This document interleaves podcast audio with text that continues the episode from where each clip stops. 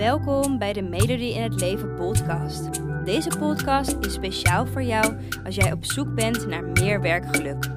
Ben jij je huidige werk zat? Wil je iets anders wat wel bij je past, maar weet je niet waar te beginnen?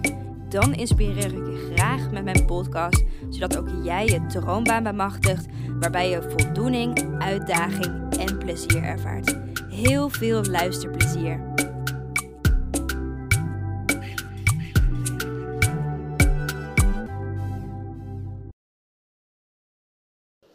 Hey, hallo daar. Wat super leuk dat je weer luistert tijdens deze podcast. En um, vandaag wil ik de podcast ietsjes anders aanpakken. Vaak geef ik je tijdens de podcast uh, tips. Um, of ik ga in gesprek met dames die ook een droomzoektocht hebben doorgemaakt. En nou ja, uh, krijg jij eigenlijk hun tips. Maar vandaag wil ik het onder andere met je hebben over dingen die ik zelf heb gedaan tijdens mijn droomaanzoektocht. Dus ik ga je meenemen in 10 nuttige dingen die ik zelf deed, uh, die heel erg helpend voor mij zijn geweest. Want waarschijnlijk weet je het wel al, zeker als je uh, mijn podcast vaak luistert. Maar ik ben zelf ook jarenlang ongelukkig geweest in mijn werk. Um, de manier waarop mijn dagen, mijn, ja, mijn dagen, mijn weken, eigenlijk mijn jaren misschien zelfs al verliepen, was ik gewoon niet blij mee. Mijn werk voelde echt als een sleur. Ik was mijn motivatie kwijt. Ik sleepte mezelf elke ochtend opnieuw uit bed en naar mijn werk toe.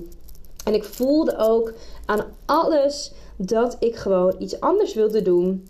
Um, en ik besloot dus ook inderdaad om echt te gaan ontdekken wat ik dan wel wilde gaan doen. En ik ben jaren geleden dus ook een zoektocht gestart waarbij ik vooral ging inzoomen op mezelf. Ik was al, had al heel veel andere dingen geprobeerd, dat werkte allemaal niet. En uh, ik besloot, ik moet het helemaal anders aan gaan pakken. Ik moet echt mezelf gaan leren kennen. Hè, wie ben ik? Waar sta ik voor? Wat vind ik belangrijk? Nou ja, wat voor werk past er dan bij mij? En hoe moet dat er dan concreet uitzien? Enzovoort. Nou, dit proces van jezelf ontdekken of jezelf herontdekken kost tijd. En het is dus ook niet zo dat je binnen een paar dagen weet wat voor werk je wil gaan doen. En tijdens het proces um, heb ik ook meerdere dingen gedaan dat mij stuk voor stuk eigenlijk nee, dat klein beetje extra geholpen heeft. Alles droeg weer een stukje bij aan nou ja, mijn proces.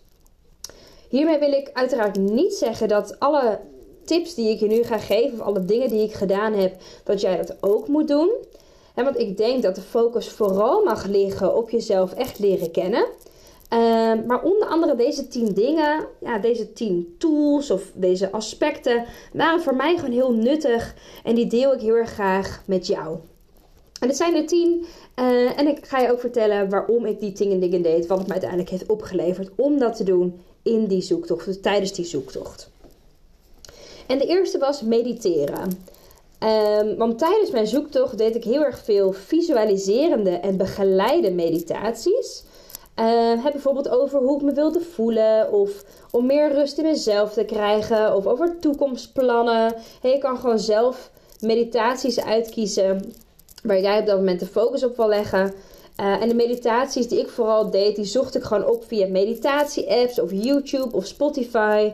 Um, en ik denk ook echt dat dit er bij mij aan bijgedragen heeft om dichter bij mezelf te komen en de rust in mezelf ook te vinden. Iets wat ik ook eigenlijk totaal niet kon, omdat ik zo gefrustreerd en moedeloos werd van die zoektocht. De tweede is dat ik heel veel informatie ging opschrijven in een informatieboekje. Een vriendin van mij die, die wist namelijk dat ik zoekende was naar wat voor banen bij mij pasten. En ze besloot mij als cadeautje een notitieboekje te geven.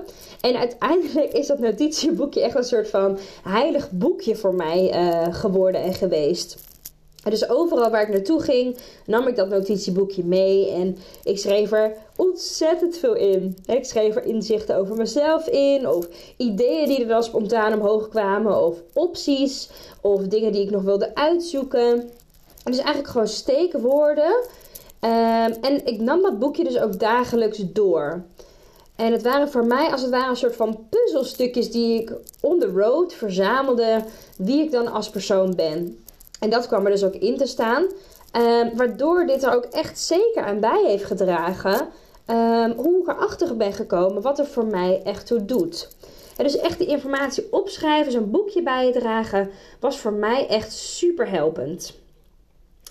De derde is, ik ben ook heel erg gaan werken aan mijn mindset. Uh, onder andere heb ik een mental coachopleiding gedaan. Ik ben een, uh, een, een master gedrag ben ik gaan doen. En ik merkte op dat ik mezelf al tijdens die zoektocht liet ik mezelf heel erg meeslepen in eigenlijk negativiteit. He, wat ik merkte, ja, het lukt steeds niet, bestaat het wel voor mij? dat soort gedachten popte er steeds op. En dat wilde ik niet meer.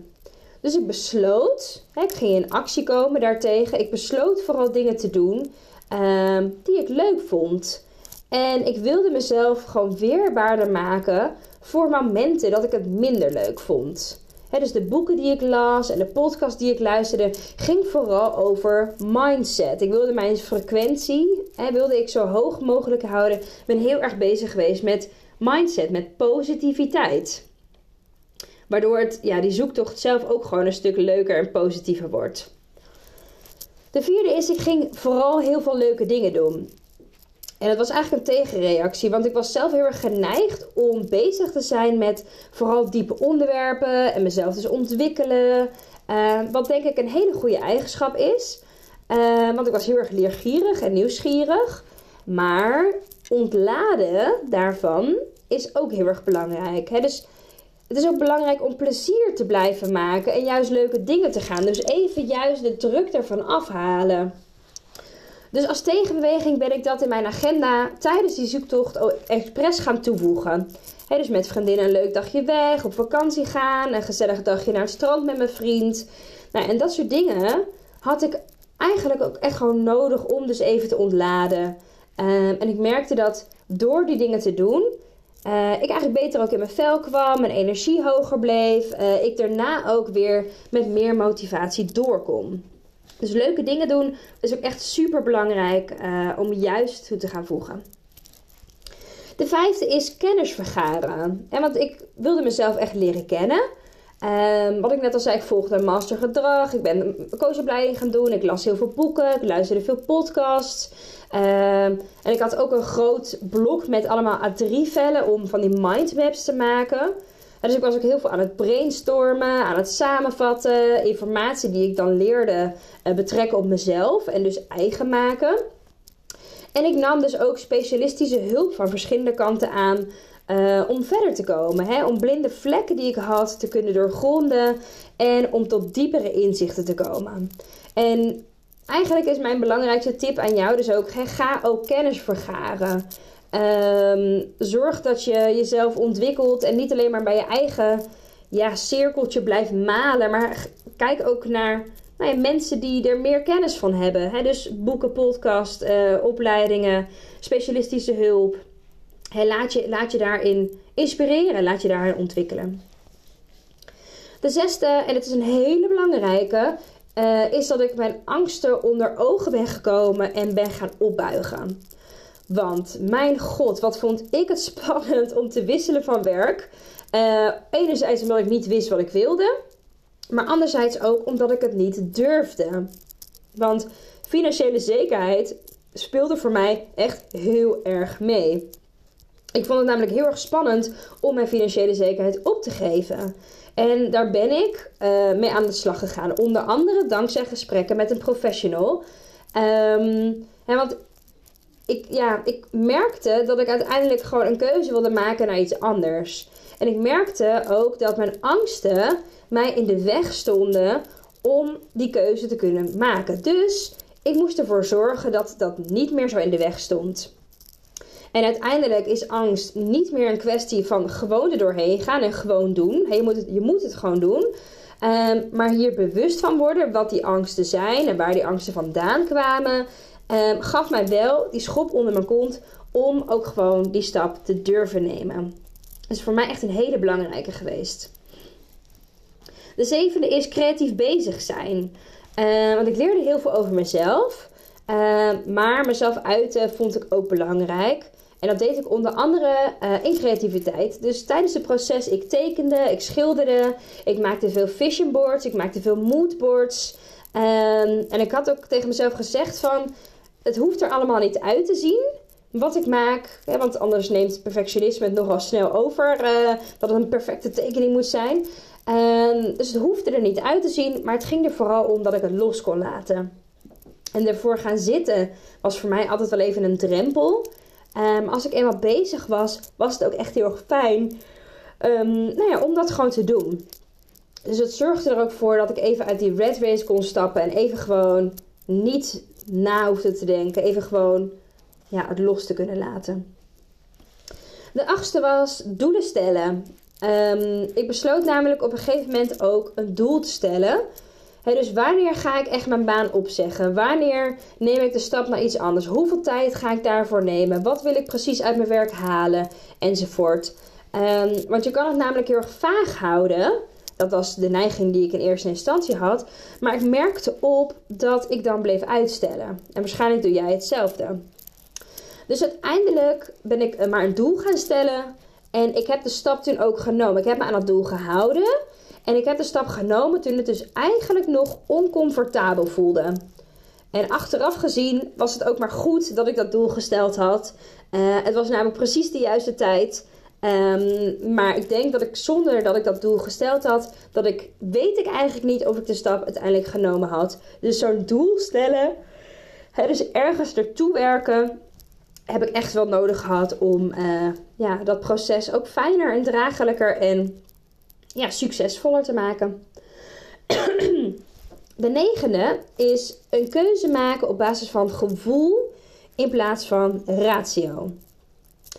Ik was namelijk gewend om keuzes vanuit mijn hoofd te nemen. Hè? Logische keuzes, voor de hand liggende keuzes enzovoort. Um, terwijl die keuzes die ik voorheen genomen hadden, mij inmiddels ongelukkig maakten. Dus ik kwam erachter dat ik mocht leren om naar mijn gevoel te luisteren.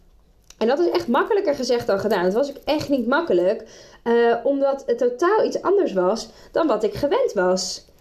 Dus ik ben mij tijdens die trauma-zoektocht ben ik mezelf gaan trainen met kleine keuzes op basis van gevoel maken. bijvoorbeeld, ga ik fietsen of ga ik met de auto? En in plaats van dat ik dan ga denken, oh ja, wat is logisch, wat is slim. Nee, ben ik gewoon gaan kijken, wat voel ik? Wat voelt mijn lichaam? Waar heb ik zin in? Um, en die kleine trainingsmomentjes eigenlijk hebben er dus ook voor gezorgd dat ik uiteindelijk met vertrouwen op mijn gevoel kon kiezen. Dit is ook echt een hele belangrijke geweest uh, voor mijn proces. En de tiende, de laatste, is echt met jezelf bezig zijn. Um, ik weet nog heel goed dat uh, sommige mensen in mijn omgeving vonden mij deze periode ook echt minder gezellig. heb ik meermalen teruggekregen. Uh, want ik was, was heel veel met mezelf bezig. En je kan wel zeggen dat ik echt egoïstischer was dan dat mensen om mij heen van mij gewend waren. Maar dit was voor mij ook echt nodig om even gewoon bij mezelf te kunnen komen, bij mezelf te kunnen blijven uh, en deze groei naar een andere baan door te kunnen maken.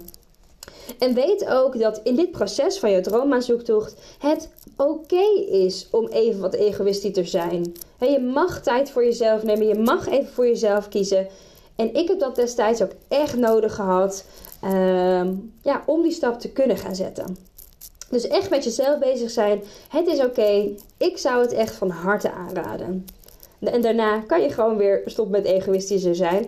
Maar um, zulke periodes heb je in je leven ook gewoon nodig. Nou, dit zijn eigenlijk tien voorbeelden die mij heel erg geholpen hebben tijdens die uh, zoektocht. En zelf denk ik dat ik er ook echt niet uit was gekomen als ik niet mijn gevoel achterna was gegaan, als ik geen hulp had ingeschakeld en als ik niet geleerd had om mijn angsten om te buigen.